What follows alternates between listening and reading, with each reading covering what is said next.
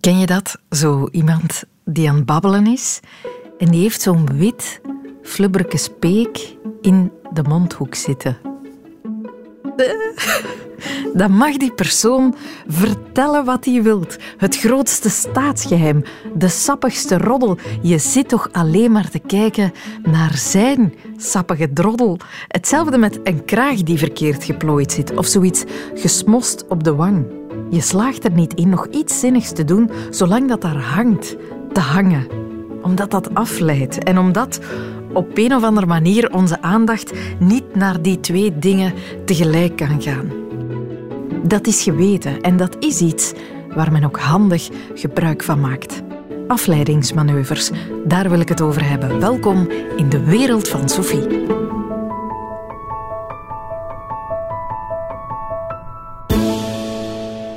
Boris Johnson, een voorbeeld. Premier van Engeland komt op een bepaald moment onder vuur te liggen nadat uitlekt dat op zijn kabinet een kerstfeestje georganiseerd werd in volle lockdown-tijden. En prompt komt hij met een pak nieuwe coronamaatregelen, strenge maatregelen. Is dat een doortastend optreden van de premier? Of is dat, zoals zijn critici menen, een afleidingsmanoeuvre om de aandacht weg van die kritiek te houden? Is dat wat hij doet, onze aandacht afleiden? Dat vroeg ik aan politicoloog Karel de Vos van de UGent. Wel, is dat een beetje moeilijk om te beoordelen, omdat dat eigenlijk voor een stuk een uh, intentieproces is. Hè. Je, je, dicht iemand bepaalde bedoelingen toe. Uh, het zou kunnen dat Boris Johnson er echt van overtuigd is dat nu het allerbelangrijkste thema die vaccinatie is. En iemand beschuldigen van een afleidingsmanoeuvre is ook niet onschuldig, hè, want eigenlijk uh, maak je die man of vrouw verdacht, vals. daarom kan het ook ja, een onderdeel zijn van een politieke strategie om iemand anders van een afleidingsmanoeuvre te beschuldigen. Hè, want dat is eigenlijk een soort van beschadigingsstrategie. Nu, het zou wel best kunnen hoor, dat, uh, dat Boris Johnson dat nu aan het doen is, omdat um, hij um, vroeger een strateeg had, een, een Australië, een politiek strateeg, Linton eh, Crosby, die in het campagneteam van Johnson zat toen hij uh, voor burgemeester ging. En die Linton Crosby is eigenlijk bekend om, omwille van de zogenaamde dead cat strategy. Mm. En ook het werkwoord dead catting. En um, dat komt eigenlijk van, van, van het idee, misschien het makkelijkst in, uh, in een quote van die Crosby te vatten. Hij zei ooit. There is one thing that is absolutely certain about throwing a dead cat on the dining room table. That is that everybody will say, geez mate, there's a dead cat on the table.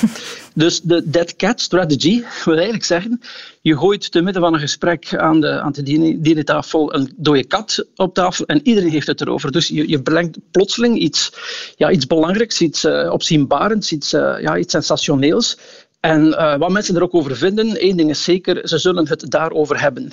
Je kan het ook nog op een andere manier illustreren met een, een quote van Don Draper. Dat is het hoofdpersonage in de serie Mad Men. Dat is een serie ja, waar heel wat lessen uh, in de persuasieve communicatie te vinden zijn. Mm -hmm. En de figuur Don Draper zei ook ooit in de serie: If you don't like what's being said, change the conversation. En dat vat het een beetje samen wat, uh, wat Boris Johnson hier aan het doen is. Wat eigenlijk uh, toch wel misschien een mooie omschrijving van afleidingsmanoeuvre is. Je moet gewoon ervoor zorgen dat mensen over andere dingen beginnen praten. En die truc durven politici dus al wel eens toepassen ook hier bij ons. Voor mij is het allerbeste voorbeeld um, wat uh, Louis Tobak, uh, toenmalige voorzitter van de Socialistische Partij, deed in 1995. Uh, de socialisten zaten toen in, in, diepe problemen omwille van het Augusta-schandaal en het zag er heel slecht uit voor de socialisten en kiezers zouden die schandalen het hen heel kwalijk nemen. Maar Tobak slaagde erin met zijn kop centraal op, op een grote affiche onder, het, onder de slogan Uw sociale zekerheid om het debat volledig te verschuiven weg van dat Augusta-schandaal well. Naar een debat over sociale zekerheid. Want hij zei, pas op, uh, hier is een veel groter probleem dat om de hoek loert, namelijk uh, Verhofstadt, de liberalen zijn erop uit om uw sociale zekerheid te vernietigen en dat is de centrale strijd. En dat is eigenlijk ook gelukt, want Verhofstadt was toen zo dom om in het aas te bijten en voerde het debat over sociale zekerheid. En eigenlijk was dat uh, een goede strategie, een goede afleiding van de socialisten, want eigenlijk hadden ze goede cijfers na de verkiezingen. Ja, ja. Een ander voorbeeld, misschien wat recenter, Bart de Wever, die in januari januari 2019, aanloop naar de verkiezingen later dat jaar, in mei, plotseling aankondigt, ik ben kandidaat minister-president. En daar waren we wat verrast door. toen was er nog Geert Bourgeois. En ja, Geert Bourgeois wou niet weg, hij wou alleen weg voor de grote leider. En, en ondertussen ja, was duidelijk dat Jan Jan Bon ja, die moest federaal premier worden. Maar op dat moment was ook de Koucham-affaire bezig. En eigenlijk door zichzelf als ja, centraal onderwerp van het politiek debat te stellen, namelijk hij is kandidaat uh, minister-president, probeerde de NVA eigenlijk het debat af te leiden van het vertrek van Bourgeois. De, de minister-president die moet ophoepelen, dat is eigenlijk niet zo, niet zo netjes. De minister-president die dat eigenlijk ook wel goed heeft gedaan.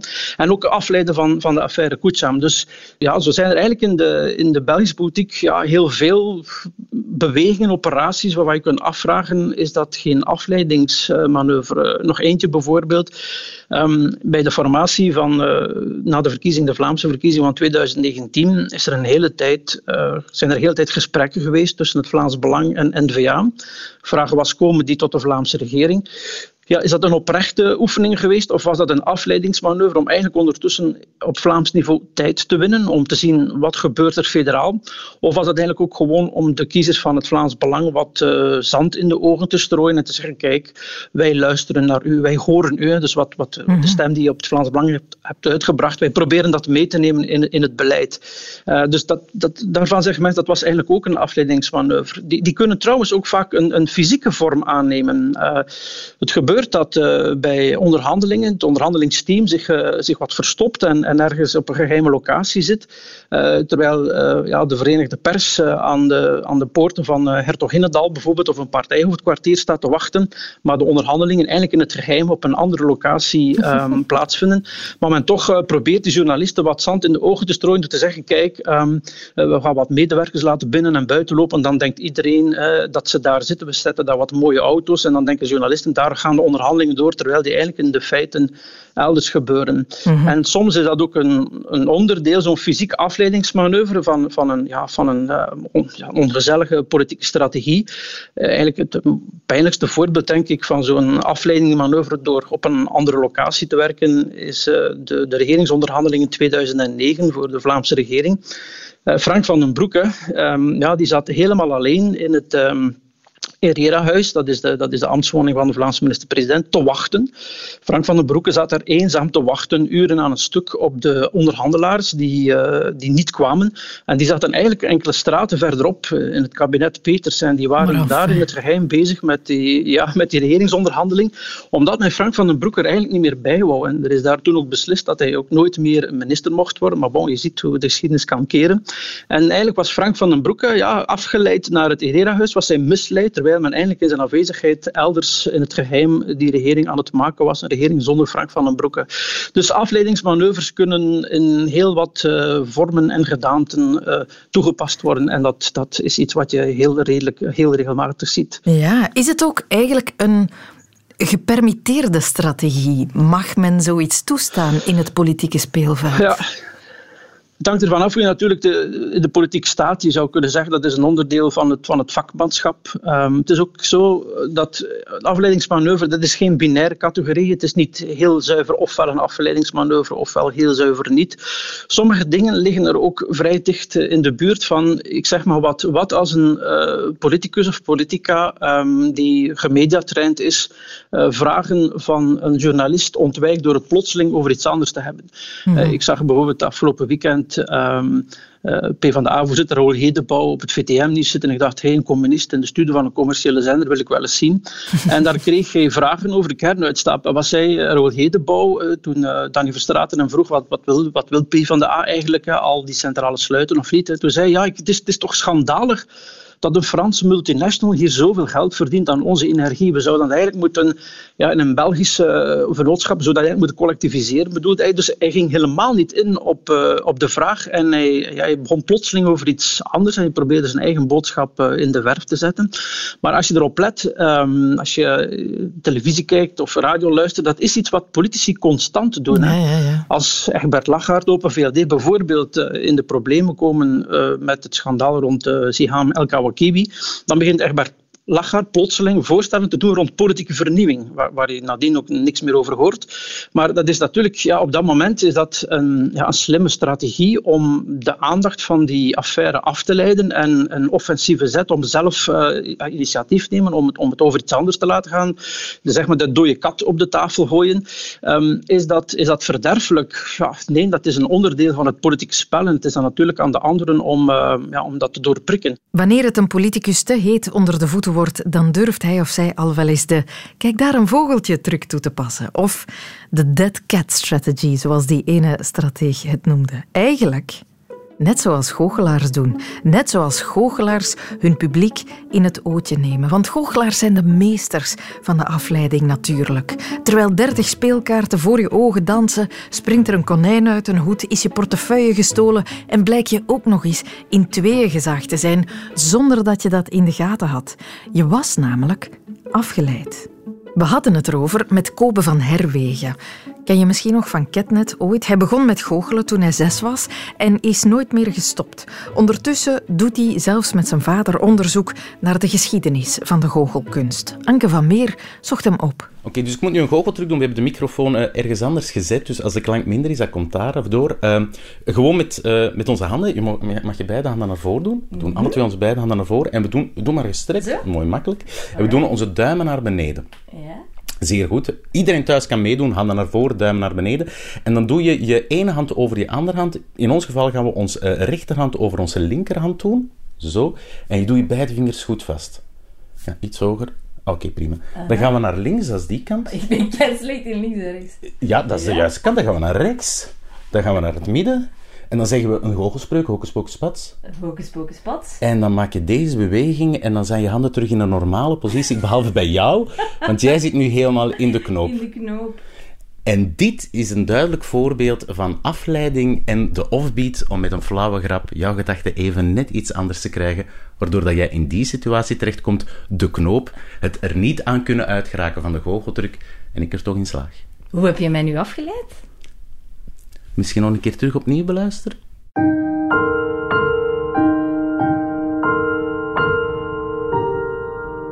Kunnen we zeggen dat een goochelaar de meester is van de afleidingsmanoeuvres?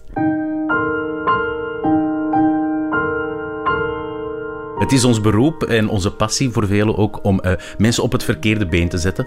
En dat kan je door te liegen, door te bedriegen en door heel veel af te leiden. Een goede goochelaar is een meester in afleidingsmanoeuvres. Dames en heren, ik wens jullie heel veel plezier met het mysterie van de lege kist. Zie hier, dames en heren, onze lege kist. Ik zal het nog even tonen, deze is helemaal leeg. Maar speciaal voor jullie ga ik mijn assistenten hierin tevoorschijn toveren. Trouwens, ik heb ook nog een nieuwe mantel. Ik zal die even tonen. Kijk, een hele mooie nieuwe mantel. Zo, en die mooie nieuwe mantel die gaat zo over onze kist. Is het meer afleiden dan een truc kennen of zo? Uh, nee, de truc is de essentie, maar om die goed te brengen moet je goed kunnen afleiden. Je kan het het beste vergelijken met uh, coverbandjes. Er zijn in Vlaanderen duizenden coverbandjes en van die duizenden brengen er 500 een ABBA-medley. Wel, in België heb je duizenden goochelaars en van die duizenden brengen 500 goochelaars dezelfde truc. Nu, net zoals bij die coverbandjes, niet elk bandje brengt die ABBA medley even goed. Bij sommigen begin je te dansen, bij anderen ga je gewoon een pin bestellen aan de toog. Bij goochelaars is dat hetzelfde. Als je die truc goed kan presenteren en je kan goed gebruik maken van de nodige afleiding, dan ben je een expert en wordt het publiek echt betoverd wat dat natuurlijke doel is. Wat zijn zo typische trucs om mensen af te leiden? Wat werkt het beste? Er zijn twee basisregels om mensen af te leiden. En die worden dan gebruikt soms samen, eh, soms afwisselend en soms heel subtiel. De eerste is uh, een grote beweging covert een kleine. Als ik met mijn ene hand een grote beweging maak, kan ik met mijn andere hand een kleine beweging maken. Bijvoorbeeld stiekem een balletje uit mijn zak halen. Als ik die grote beweging niet maak en ik ga stiekem dat balletje uit mijn zak, dan ziet iedereen dat ik dat doe, want dat is een kleine beweging. Maar als ik die maskeer met een grote beweging, kijkt iedereen naar die grote beweging en kan ik met die kleine beweging mijn gang gaan. Dat is de eerste regel. De tweede regel is gebruik maken van de beat. Een goocheltruc heeft verschillende beats. Bedoel je echt als in ritme? Als in ritme, ja. Bijvoorbeeld het meest gekende effect is een konijn uit een hoed halen. Je hebt een hoge hoed, je laat die onderzoeken, die is helemaal leeg en dan weet het publiek, hij gaat er op een gegeven moment stiekem een konijn in droppen. Dus iedereen zit constant te kijken naar die hoed en naar die beide handen om dat konijn in te laten droppen. Onder die druk kan je niet presteren. Dus dan krijg je de beat en dat is een moment dat het publiek wordt afgeleid. En het moment dat een publiek dus uit die concentratie wordt gehaald om te kijken wanneer gebeurt het, wanneer gebeurt het. Wat is het meest makkelijke voor zo'n beat? Is een flauwe mop vertellen. Iedereen begint te lachen. Als je lacht, ja, je blik gaat naar een andere plek, je ogen gaan even dicht, iedereen is even afgeleid. En die afleiding neem je stiekem dat konijn. Dames en heren, nog even deze magische goochelspreuk. Abra, Abra. En let. Zijn er ook zo bepaalde zinnen of bepaalde moppen waarvan je weet, die werken altijd? Er zijn heel veel flauwe moppen van de goochelkunst. Uh, ik heb uh, een doorzaagellusie en ik heb vroeger mijn zus in stuk gezaagd. Dat doe ik niet meer, want ik heb nu enkel nog maar twee halfzussen. Is een van die meest bekende moppen. Uh, je wil weten hoe dat ik dat doe, ik doe dat goed. Is ook zo'n hele flauwe goochelaarsmop. Het hoort deels bij die manipulatie die je leert. Hè. De manipulatie om objecten in jouw handen te laten verdwijnen en te laten verschijnen, maar de manipulatie die ook dient om het publiek letterlijk te manipuleren en om ze te laten kijken naar waar dat jij wilt dat ze gaan kijken.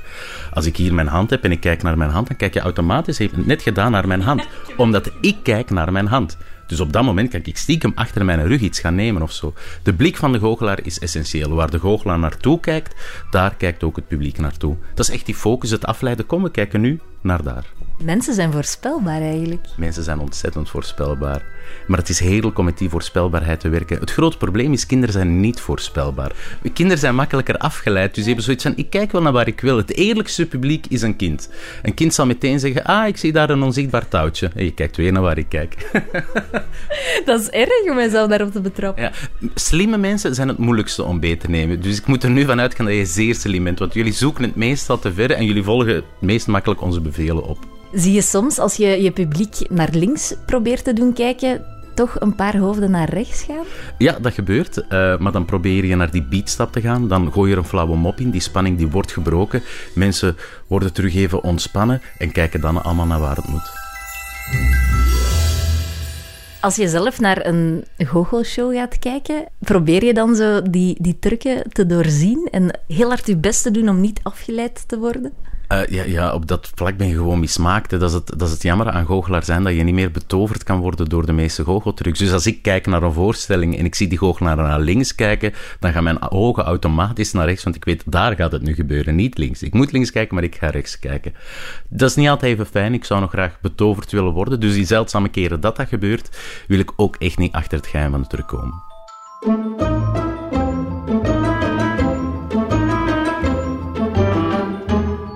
Heb je hier een truc die je kan doen? Of kan je mij eens proberen afleiden? U proberen afleiden, maar ik heb wel tien keer afgeleid. Hup, en daar was de beat, dus ik had met deze mop had ik nu een konijn in een hoed kunnen steken. Verdorie! Ja, het leuke is, ook al weet je wat dat de dingen zijn, je kan mensen nog altijd beetnemen. Voor de eerste keer in dit theater ga ik goochelen met dieren. Ik ga namelijk een Bengaalse olifant omtoveren in een Bengaalse tijger. Het meest gekende object van een goochelaar, een goochelstok, dient om af te leiden. Een goochelstok komt eigenlijk voor de eerste keer voor bij de Grieken, waarin goochelaars nog eh, magische bezweringen doen en het meer soms een geloof is. Maar we hebben daar al afbeeldingen van een stok.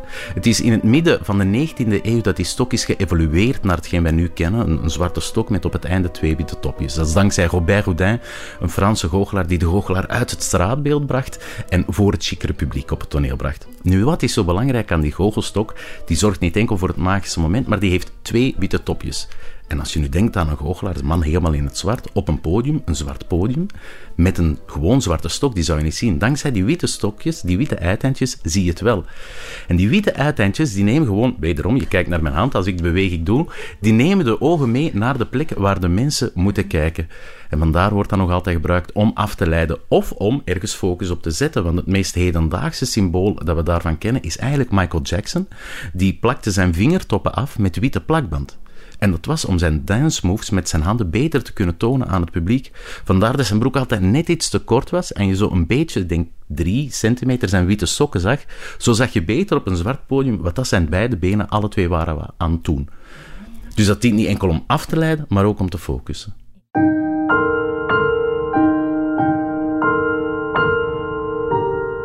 Wat is zo de ultieme truc om goed te kunnen afleiden? Wat, wat, is het geheim van afleiding? Durf. Gewoon durven. En gewoon durven te denken: het publiek gaat zo dom zijn dat ze hierin mee gaan gaan. Als ik tegen iedereen ga zeggen: kijk naar daar, dan gaat iedereen dat gewoon doen. Het is hetzelfde als je met een groep vrienden buiten staat en iemand zegt: kijk daarboven een vliegtuig. En jij zegt: ja, maar daar in de verte een roze olifant op een eenwieler. Iedereen gaat naar die roze olifant in een eenwieler kijken, ook al weten ze dat dat er niet is. Maar mensen zijn nieuwsgierig en mensen willen ontdekken. Het is proberen, het is, het is durven en het is ja, mensen ontdekken en hoe mensen reageren op bepaalde situaties.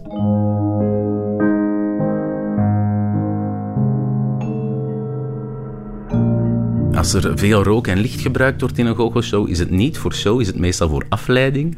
Maar meer ga ik ook niet verklappen, want het moet allemaal wel magisch blijven en we willen allemaal blijven geloven in het onmogelijke. Maar deze waren toch een paar van de ingrediënten om die code toch een beetje te ontcijferen.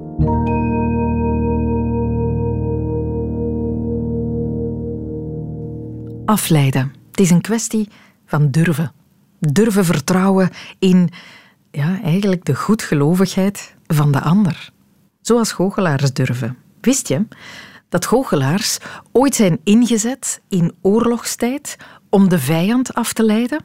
Echte goochelaars, hè? van badabing, niks in de mouwen, niks in de hoed, tada. Daarvoor moeten we terug naar de Tweede Wereldoorlog. Uh, meer bepaald de operaties in Noord-Afrika. We zijn nu in oktober 1942. Dit is professor Chris Quante, professor militaire geschiedenis aan de Koninklijke Militaire School. Hij wist dat te vertellen. Rommel, de Duitse commandant, die rukt op door de woestijn vanuit Libië richting van het Suezkanaal en hij boekt overwinning na overwinning. Uh, de Britten die zijn de wanhoop nabij en die willen zijn aanval kost wat kost tot staan brengen en dat moet gebeuren in het dorpje El Alamein. Ja? En van daaruit willen ze hem, terug, hem terugdrijven uit Noord-Afrika. Dus de inzet voor de Britten is, is bijzonder hoog.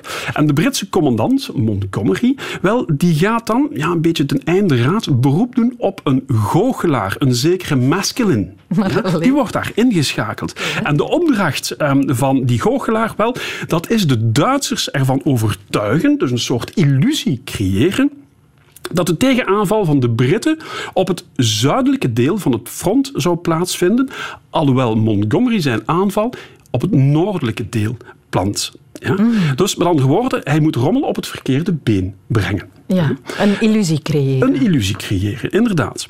Um, en daarvoor besluit die uh, masculin om fictieve eenheden um, te creëren door tanks, kanonnen en zelfs vliegtuigen na te maken. Hij gebruikt daar hout voor, linnen en zelfs papier, uh, papier maché, um, die hij dus in het zuiden ging opstellen. En, en blijkbaar sloeg die aanpak van masculin aan, uh, was zeer overtuigend, want Rommel trapte in de opgezette val.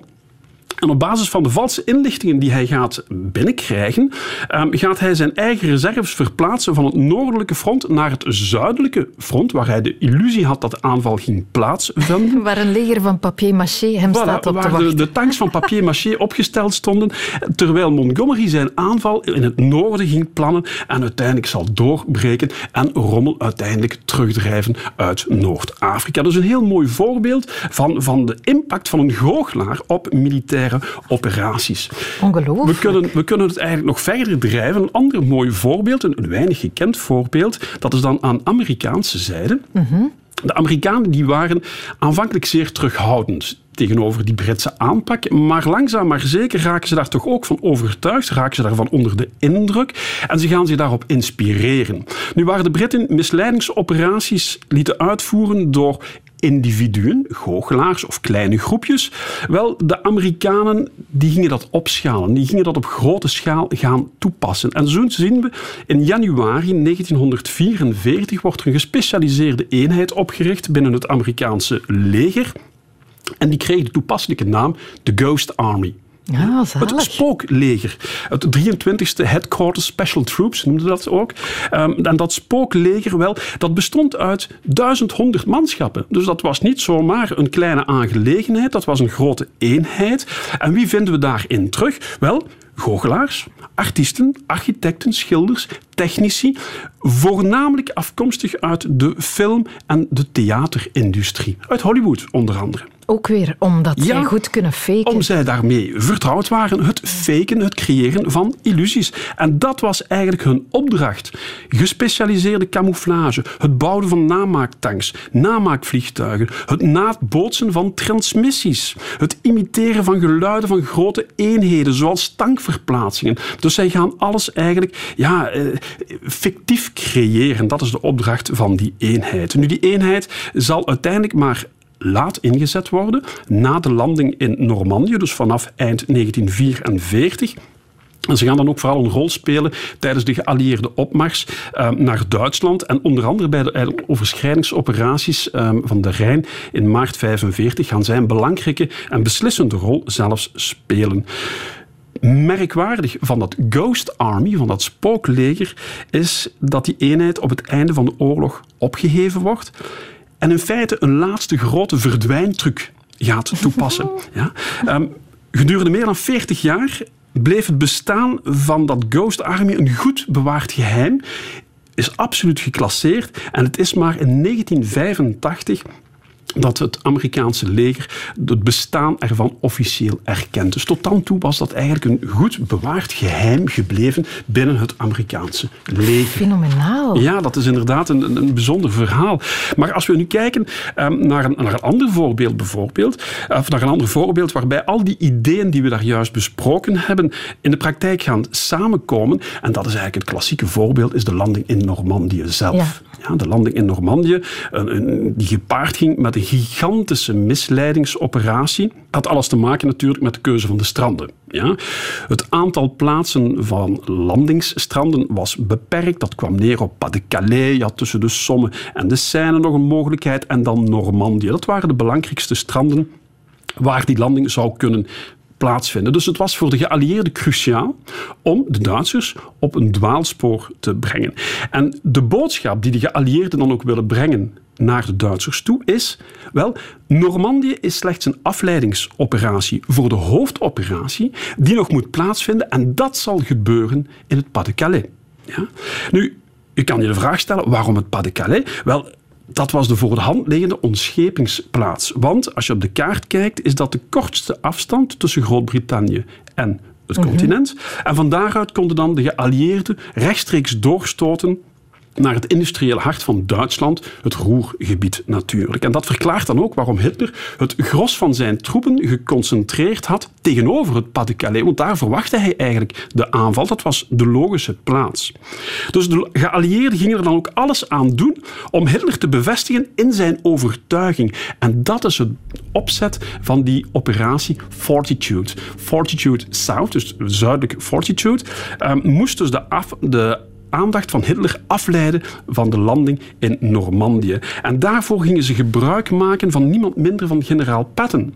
Ja? Ja, Generaal Patton, zoals u weet, een zeer flamboyant generaal. belangrijke figuur Ah, en die dus bewonderd werd door de Duitsers. Hij werd een beetje gezien als de tegenhanger van Rommel. Ja? En het is in militaire operaties logisch om je beste commandant in te zetten op je hoofdkrachtsinspanning. Daar waar je je aanval gaat plannen. Dus het besluit van de Duitsers was dan ook, daar waar Patton opduikt, daar waar hij ingezet gaat worden, daar zal de, hoofdkrachtsins, daar zal de hoofdkrachtsinspanning plaatsvinden. Ja? Dus ze zetten hun belangrijkste figuur op een nepoperatie. En wel, dat is hetgeen wat de geallieerden gaan doen. Tot grote frustratie van Patton natuurlijk zelf, want die wilde bij de landing, betrok, bij de landing betrokken zijn. Hij werd benoemd tot commandant van, het eerste van de eerste Amerikaanse legergroep. Wat een zuiver fictieve eenheid was. En waar werd zijn hoofdkwartier, zijn fictief hoofdkwartier, gestationeerd? Wel, in het Pas-de-Calais natuurlijk, met de bedoeling om die Duitsers op het verkeerde been te brengen. En daar werd alles rond georganiseerd. Het is te zeggen, radioverbindingen werden op touw gezet, eh, zodanig dat de Duitsers de indruk kregen dat daar een heel eh, verkeer was tussen eenheden. Daar werden troepenverplaatsingen uitgevoerd, fictieve vliegvelden aangelegd, opblaasbare tanks geplaatst, opblaasbare vliegtuigen werden daar geplaatst. En dan toevallig, heel toevallig, werden juist in die regio ook een aantal bressen gelaten in de Britse luchtverdediging met de bedoeling om Duitse verkenningsvliegtuigen toe te laten om juist over die zones te kunnen vliegen en daar foto's te kunnen maken van die troepensterkte. En dus de Mhm. indruk te geven dat er daar een geweldige build-up bezig was. Daar werd gebruik gemaakt van dubbelspionnen, luchtoperaties, waar waarbij gebruik werd gemaakt van snippers zilverpapier die uitgestrooid werden op hoge hoogte. Ehm, dat zijn de zogenaamde chefs. En die hebben als dat? dat, die hebben als impact, of die hebben als gevolg dat op de Duitse radar het beeld ontstaat dat er een hele groepering, een hele formatie van vijandige vliegtuigen op hen afkwam. Wat absoluut het niet geval was. Ja? Dus dat was allemaal illusies die gecreëerd werden. Ja. Nu, die operatie Fortitude zal dan ook die stoutste verwachtingen eigenlijk overtreffen en gaat Hitler bevestigen in zijn overtuiging dat de landing in Normandië, die ondertussen al uitgevoerd werd, wel dat dat slechts een afleidingsoperatie was. En dat de echte landing nog moest komen en wel in het Pas-de-Calais. En dat is dan belangrijk. Het gevolg is dat hij eigenlijk tot einde juli, de landing vindt plaats op 6 juni, tot einde juni houdt Hitler halstarrig vast um, aan Pas-de-Calais. Weigert hij om de versterkingen vandaar over te plaatsen naar Normandië. En hij gaat dat uiteindelijk maar doen op het ogenblik dat het al te laat is. Het zegt wat over onze vatbaarheid voor deceptie, hè, voor begoocheling. Als je zelfs een hyperalerte vijand zo in het ootje kan nemen wat zilverconfetti en papier maché. Nu hoeft onze neiging tot afgeleid zijn niet per se in ons nadeel te werken. Het kan ook helpen. Mensen die bang zijn of pijn hebben, die hebben er eigenlijk alle baat bij om afgeleid te worden van datgene wat hen de stuipen op het lijf jaagt. Dat weten ze heel goed in ziekenhuizen. Daarom stuurt men clowns naar kinderziekenhuizen om af te leiden. Of gebruikt men in de afdeling radiologie VR-brillen, van die virtual reality-brillen, om de aandacht af te leiden van ofwel scanners, die mensen zeer angstaanjagend kunnen vinden, of heel grote injectienaalden, ook akelig. Men paste toe onder meer in het AZ Maria Middelares in Gent. Maar hoe doeltreffend is die methode? Dat ging Wart uittesten bij hoofdverpleegkundige radiologie Lieven van Assen en diensthoofd medische beeldvorming Christophe Schoofs. Ik ga hem op uw hoofd plaatsen en dan zal ik hem van op afstand kalibreren. Afhankelijk van de positie van de patiënt legt hij neer, uh, zit hij half zittend of recht of, of plat. Oké, okay, ik sta nu wel gewoon recht. Ik lig niet in een scanner of zo. Uh, wat is het thema uh, van de bril? je krijgt de keuze afhankelijk van de leeftijd van de patiënt en de duur van de procedure. Gaat het toestel zelf een aantal filmpjes voorstellen. Ik ben 42 en ik ben een angsthaas. Ja, dus ik ga hem opzetten. U mag de bril aanhouden. Ja. Nu zie ik dus niet waar ik mijn microfoon houd. Dus ik, veront, ik verontschuldig me nu al als ik die tegen jouw neus duw. Oh, ik zit in de zee. Ja, dat klopt. Het is een soort duikboot. Welkom bij Aqua, jouw ontdekkingsreis in de dieptes van de oceaan. Het is een reis speciaal voor jou, die je gaat helpen je beter te voelen, maar het is ook prettig. Geniet ervan. Kijk overal rond en ontdek deze wonderlijke wereld. Er is ook een stemmig muziekje en geklots van water. Er zwaait een zeester naar mij. Dat zorgt voor de afleiding eigenlijk. Ah ja, ja. Dat de patiënt op de zeester gefocust is in plaats van op de, de procedure, op de prik of de, de ingreep die de patiënt moet ondergaan. Ik zie in de verte een vuurtoren. Naar je rechterkant staat een vuurtoren. En als ik links en rechts kijk, zie ik water, een dobberende zee en centraal voor me een enorme lachende zeester. Je kan ook naar boven en beneden kijken, geen enkel probleem. Ah, dat ga ik nu even doen. Ja, het is een licht bewolkte dag. En de bedoeling is dus nu dat terwijl ik hier op de zee aan het rondkijken ben. Oh, ik zie ook een bedieningspaneel Ah, ik zit in een duikboot. Of... Ah ja, ik zit in een duikboot. Recht voor jou zou je een dashboard moeten zien met allerlei knoppen en een stuur om je ultramoderne duikboot te besturen. Het is een hele ontdekkingstocht eigenlijk. Ja. En de bedoeling is dat terwijl ik dit dus allemaal aan het ontdekken ben en van het uitzicht aan het genieten ben, dat jullie dus van alles met mij kunnen doen. Ik steek mijn microfoon nu ergens in het wilde weg, want ik weet dat hier twee mensen staan. Het diensthoofd, Christophe Schoofs, ben je daar? Ja, aanwezig. Gelieve in mijn microfoon te spreken, alstublieft. Ja. Ja. Dus zoals u al zei, wij gebruiken uh, deze VR-bril bij patiënten die een pijnlijke procedure moeten ondergaan, zoals bijvoorbeeld een punctie. Hè.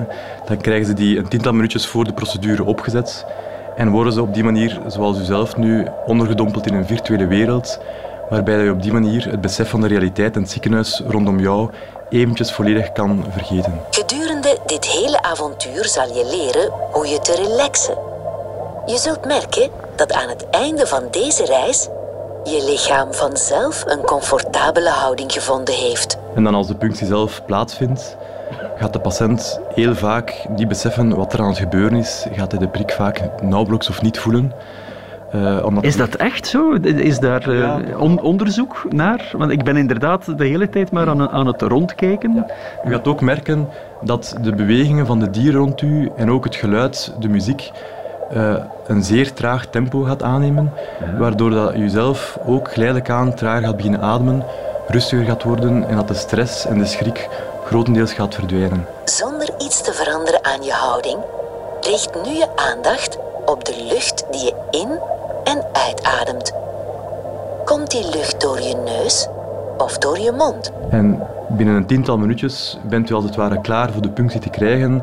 Gaat u daar bijna niks meer van voelen, gaat alle angst verdwenen zijn en gaat dat veel aangenamer kunnen verlopen dan wanneer u daar echt op gefocust bent op die prik. Dus ah, wat ik nu zie, dat is dus een, een voorbereidende fase. Dat is ja. voor de behandeling. Oh, het ja. kleur verandert nu plots. Ja. Ja, dus dat duurt een tiental minuutjes eigenlijk om u echt volledig in een soort van andere wereld mentaal te brengen. Dat u alles vergeten bent. Je ligt in feite normaal gezien als patiënt wel neer op de tafel. Je hoort geen geluid van buitenaf en je bent volledig vertrokken in die virtuele wereld. Oh, ik ben ondertussen gezonken. Oh, en ik zie visjes. En, en, en belletjes. En scholen vissen. Oh, daar is een grote vis. Wauw, is dat geen probleem? Want ik ben nu voortdurend links en rechts aan het kijken en aan het zoeken en zo. In, in zo'n scanner of zo, daar, daar moet je toch stil liggen. Ja, dat klopt. Maar meestal duurt dat maar enkele minuutjes. En na een minuutje of tien gaan de mensen kalmer zijn, zich niet meer zoveel bewegen. Let nu eventjes op de positie van je voeten, je benen, je rug, je schouders en ja, zelfs je poep. Het is zelfs zo, als het dan vijf minuutjes later weer gedaan is, zijn er soms mensen die echt verrast zijn, die zeggen van, ha, is het al gedaan? Ik wist niet dat u al begonnen was. Wauw, schildpadden, koraalriffen. Onze diepzeese reis is bijna gedaan. Neem even de tijd. Hoe voel je je? Cool en relaxed? Oh. Ik dacht, anders even mee naar huis nemen hoor. het is ook zo uh, dat voor de arts zelf die de procedure uitvoert, is het ook van belang. Want hoe rustiger de patiënt is, hoe, hoe beter dat hij kan stilliggen, hoe minder angstig dat hij is, hoe gemakkelijker en veiliger dat de prik ook kan verlopen en meestal ook hoe korter dat die duurt. Het is nu tijd om terug te komen in de realiteit, in je lichaam. Neem je tijd. Is er onderzocht tot bij welke ingrepen je iets dergelijks kan gebruiken? Ik bedoel, een, een operatie waarbij er gesneden moet worden, om het maar zo te zeggen. Da daar volstaat zo'n afleidingstrucje niet, neem ik aan.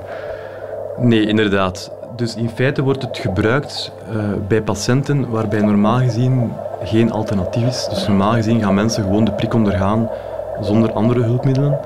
En bij het grote deel van de mensen is dat ook niet nodig. We gebruiken dat enkel in specifieke gevallen, bijvoorbeeld bij kindjes die schrik hebben, of soms ook bij volwassenen die echt enorm panisch zijn, enorm angstig zijn voor een prik te krijgen.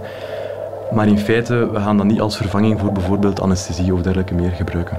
Ik krijg bijvoorbeeld ook uh, aanvragen van andere afdelingen, zoals spoedopname. Bijvoorbeeld bij een patiënt met een schouderluxatie hebben we als test geprobeerd en is zeer vlot verlopen. Ook heb ik een voorbeeld van een palliatieve patiënt die wou nog een ballonvaart meemaken, maar dat, dat kon niet meer. En er is een filmpje dat je eigenlijk boven de wolken kan kijken en eigenlijk hetzelfde gevoel hebt als in een luchtballon. Oh, dus als een soort virtuele vervulling van de laatste wens. Ja, dat klopt. Je mag deze reis opnieuw maken, waar en wanneer je wilt, om je beter te voelen. Kijk, ondertussen heb ik de bodem van de oceaan bereikt. Zwemmen er schildpadden voorbij, zwemmen er scholen vissen boven mijn hoofd. En ondertussen is die prik al lang gebeurd, zeker, hè? Ja. En wanneer je je goed voelt en wakker bent, zullen we je bril afnemen en stop dit avontuur.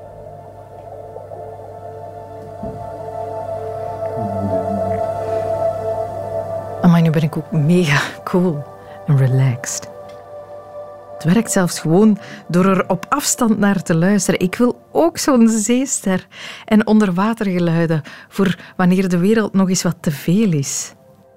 Zo kan afleiden natuurlijk geweldig nuttig zijn. Maar hoe komt het eigenlijk dat wij zo gemakkelijk kijken als iemand zegt: daar, een vogeltje? Het is sowieso interessant om te weten, hè, ons aandachtssysteem, wij worden omringd door ongelooflijk veel sensorische prikkels. En, en, aandacht heeft eigenlijk twee belangrijke functies. Dit is Ernst Koster, hoogleraar psychologie aan de UGent en klinisch psycholoog. Om wat te navigeren tussen al die hoeveelheden prikkels, de, moeten we eigenlijk in staat zijn om te kunnen focussen op taakrelevante informatie. En uh, aandacht heeft, heeft zowat de functie om ook ons systeem eigenlijk uh, te interrumperen op het moment dat er heel relevante, nieuwe, verrassende uh, informatie vrijkomt. En daar is het wel interessant op het moment dat we dus gaan spreken over emotionele situaties, bij het voorbeeld wat, wat u zojuist noemde, dan heb je eigenlijk een, een situatie die natuurlijk behoorlijk bedreigend is, en normaal gesproken, als we geconfronteerd worden met bedreigende uh, situaties, uh, dan vraagt dat eigenlijk onze aandacht. als we plots pijn hebben in ons lijf, uh, of we, we, lopen het risico geprikt te worden, dan gaat dat eigenlijk met ons aandachtssysteem lopen. Mm -hmm. Nu, wat dan interessant is om te doen, is inderdaad te kijken van, kunnen we eigenlijk op het moment dat die, die emotionele informatie ons de, de, tegenhoudt, of op het moment dat die interfereert met wat we willen doen, uh, kunnen we ons aandachtssysteem dan een beetje uh, lokken naar nieuwe of andere saliënte of relevante informatie op een manier waardoor de emotionele informatie minder duidelijk doorkomt of minder vervelend is. Mm -hmm. uh, nu, wat wel moeilijk is om te doen, hè, zeker op het moment dat je moet gaan concurreren met iets wat toch hè, fysieke pijn of iets wat, uh, wat emotioneel heel lastig is, dan heb je wel een heel uh, stevige afleider nodig. Ja. Um, en dat is natuurlijk wel heel mooi met virtual reality. Uh, dat is zeer immersief. Hè. Je wordt daar helemaal in, in meegepakt. en vandaar dat dat eigenlijk vaak ook werkt als een bijzonder goede afleider. Ja. Um, bijvoorbeeld jongeren gebruiken in die context gebruiken ook heel vaak games. Op het moment dat ze zeggen van oh, school ambeteert mij zo, uh, of ik zit in een lastige situatie met mijn ouders. Ja, dan zijn bijvoorbeeld games ook een hele goede afleider om niet bezig te hoeven zijn met de nare emotionele informatie. Ah, ja. Natuurlijk is het wel. Natuurlijk is het wel zo dat de, er natuurlijk wel situaties zijn waarbij het wel belangrijk is om aandacht te besteden aan emotionele informatie. Mm -hmm. dus op het moment dat je zegt, ja, je zit in een relatieconflict en er zijn een aantal problemen die eigenlijk opgelost moeten worden. Dan heb je soms mensen die wat vermijdend zijn, dus die, eigenlijk graag de aandacht daarvan wegrichten. Uh, en dan kan het juist wel heel belangrijk zijn om juist wel naar de emotionele informatie te gaan, omdat die natuurlijk wel een belangrijke signaalwaarde hebben om problemen op te moeten lossen. Dus we weten bijvoorbeeld dat sommige afleidingsstrategieën, bijvoorbeeld gedachteonderdrukking of vermijding, uh, dat die in sommige contexten ook wel echt negatieve effecten kunnen hebben. Met name als je probeert echt je, je aandacht weg te richten, heel bewust van iets wat problematisch is, uh, dan kun je een paradoxaal effect krijgen, uh, wat mensen vaak wel kennen op het moment dat je start met te fietsen uh, en je ziet voor het eerst een paaltje opduiken, dan ga je vaak in de situatie zitten dat je zegt, oh nee, ik mag absoluut niet tegen dat paaltje aanrijden. Mm -hmm. En op het moment dat je zoiets juist heel hard probeert te vermijden, gaat dat eigenlijk toch best veel van je aandacht opeisen. Mm -hmm. uh, en ga je vaak zien dat je daar toch heel veel aan terug gaat denken, zelfs al wil je dat niet. Ja, ja dus denk niet aan de ijsbeer in een strakke slip en je ziet het meteen voor je. Dat kan net zo goed het effect zijn. Absoluut, ik zie die al voor mij ondertussen. Ja, uh. alstublieft. maar dat betekent dus dat je, dat je wel jezelf kan afleiden. Je, kan, hè, je hoeft niet per se iemand anders te vragen om jou af te leiden. Je kan ook zelf uh, je gedachten bewust in een andere richting sturen dan waar ze oorspronkelijk naartoe gingen. Absoluut. Uh, en daar is het eigenlijk wel interessant om iets te weten van hoe ons aandachtssysteem werkt om ook te weten van welk type afleidende informatie is voor mij zinnig. En bijvoorbeeld als je het voorbeeld pakken van mensen met, met chronische rugpijn, uh, ja, dat interfereert heel sterk met het functioneren, waardoor dat heel belastend wordt. Op zo'n momenten kun je gaan kijken van, kan ik uh, zinvolle manieren vinden om mijn aandacht wel wat daarvan weg te richten? Uh, en wat zijn dan belangrijke manieren om dat te doen? Wat je meestal nodig hebt, is een vrij stevige afleider. Dus iets waarbij je zegt van, als iets aan de negatieve emotionele kant best veel aandacht vraagt, dan heb je iets nodig wat aan de positieve emotionele kant of naar persoonlijke doelen eigenlijk ook veel aandacht vraagt. Mm dus iemand die zegt, ik, ik ben heel obsessief bezig met mijn uh, hypotheekrente. Als iemand dat super interessant vindt, uh, die kan dan sommetjes gaan maken over zijn hypotheek of haar hypotheek. Uh, en, en, dat is een goede afleider voor die persoon. Als iemand anders een, een, een, gruwelijke hekel heeft aan rekenen, dan gaat dat geen geweldige afleider zijn. En een goede truc is ook dat er bepaalde afleidende stimuli zijn die meer interferentie veroorzaken. Ah, dat klinkt een beetje complex, maar dat is eigenlijk vrij simpel. Bijvoorbeeld op het moment dat mensen heel veel last hebben van hun negatief denkwerk uh, en ze gaan bijvoorbeeld tv kijken als afleider, dan is dat niet zo'n fantastische afleider, omdat je nog altijd heel gemakkelijk kunt denken. Uh, maar dan is bijvoorbeeld uh, auditieve afleiding, bijvoorbeeld een podcast gaan luisteren, uh, waar je heel erg in mee moet zijn om het, om het verhaal te hebben, uh, zorgt eigenlijk voor meer, veel meer interferentie met het gedachtenwerk. Ehm, waardoor je dat eigenlijk een, een heel zinnige afleider is. Ah, ja. dus ook dat is een aspect waar je rekening mee kunt houden. Omdat het vrij moeilijk is om actief naar iets te luisteren en tegelijkertijd te gaan piekeren of, of te gaan denken. En dat is de reden waarom deze podcast niet alleen razend interessant, maar ook nog eens goed voor u is. Helend, gunstig voor het welbevinden. Omdat kopzorgen geen plaats meer krijgen in uw hoofd. Want ik zit daar al. Hoi.